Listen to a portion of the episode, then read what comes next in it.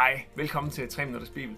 I dag der skal vi høre om, hvordan det går Paulus efter, han har talt til folkemængden og blevet ført væk af de romerske soldater, og de har fundet ud af, at han er romersk statsborger. Det læser vi om i Apostlenes Gerninger, det 22. kapitel fra vers 29 til 30.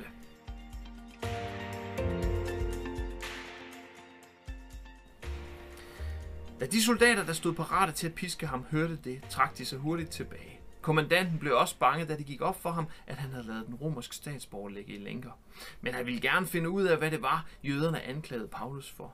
Næste dag lod han derfor lænkerne blive taget af Paulus og befalede, at han skulle fremstilles for ypperste præsterne og det jødiske råd. Derpå blev Paulus ført frem forrådet.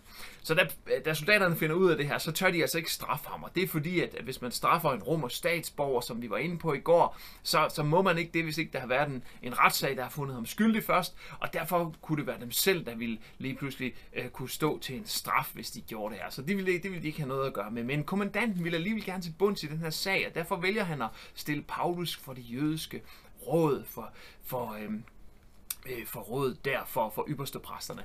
Og, øh, og i virkeligheden, så er det jo en super vigtig ting, vi skal høre om fra i morgen, hvordan han taler til rådet. Det her råd, som Paulus faktisk selv var en del af, vi læser i Apostlenes øh, Gerninger, det 26. kapitel, vers 10, at Paulus han selv altså havde en stemme i det her råd. Han var selv en del af det her råd på et tidspunkt. Og der er nok ingen tvivl om, at Paulus i virkeligheden igennem hele sin tjeneste, efter han mødte Jesus, har længtes efter at komme for det her råd. De mennesker, som han har tjent med os, der er sikkert kommet flere til i løbet af de mange år, der er gået siden, øh, også der, men, men, men det er altså mennesker, som han har, han har tjent sammen med, og, og altså jøder, som han har et hjerte for, og, og dem har han nu muligheden, dem får han nu muligheden for at komme til at tale for. Og det gør han jo kun i kraft af sin vedholdenhed. Vi har hørt det for nogle dage siden, hvordan han fra starten af ønskede det. Han argumenterede over for Jesus om, at han skulle blive i Jerusalem og tale dem her, men Jesus sendte ham ud til hedningene. Men nu har han, får han den mulighed for at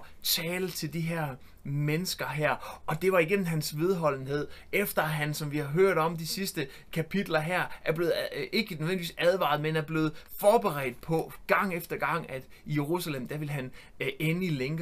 Men, men også samtidig er, øh, har, øh, ikke har lyttet på dem, der sagde, at han ikke skulle tage dig til, men han har faktisk taget dig til alligevel. Og igennem det, igennem den trofasthed, så får han faktisk muligheden for nu noget, som er rigtig vigtigt, nemlig at få talt til de her ypperste præster, de her her øh, skriftkloge, det jødiske råd her, og det skal vi høre meget mere om i morgen. Men det er en god påmindelse til os om, at Gud, han er trofast. Når vi står på hans ord, når vi går igennem de svære tider, når vi står fast på det kald, vi har fået, ligesom Paulus gjorde, så er Gud også trofast. Så leder han os ind i ting, og så leder han os ind i ting, vi aldrig selv kunne have formået, øh, ligesom han gør for Paulus her. Og jeg kunne tænke mig at spørge dig, om ikke du kunne dele i øh, kommentaren her, hvis du har oplevet det. Har du oplevet at stå fast og være trofast over for Gud, stå fast på det kald, stå fast på den, øh, det ord, han har givet dig, den oplevelse, du har haft, og selvom det så sort ud, selvom det så mørkt ud, selvom det så ud, som om du skulle i længere,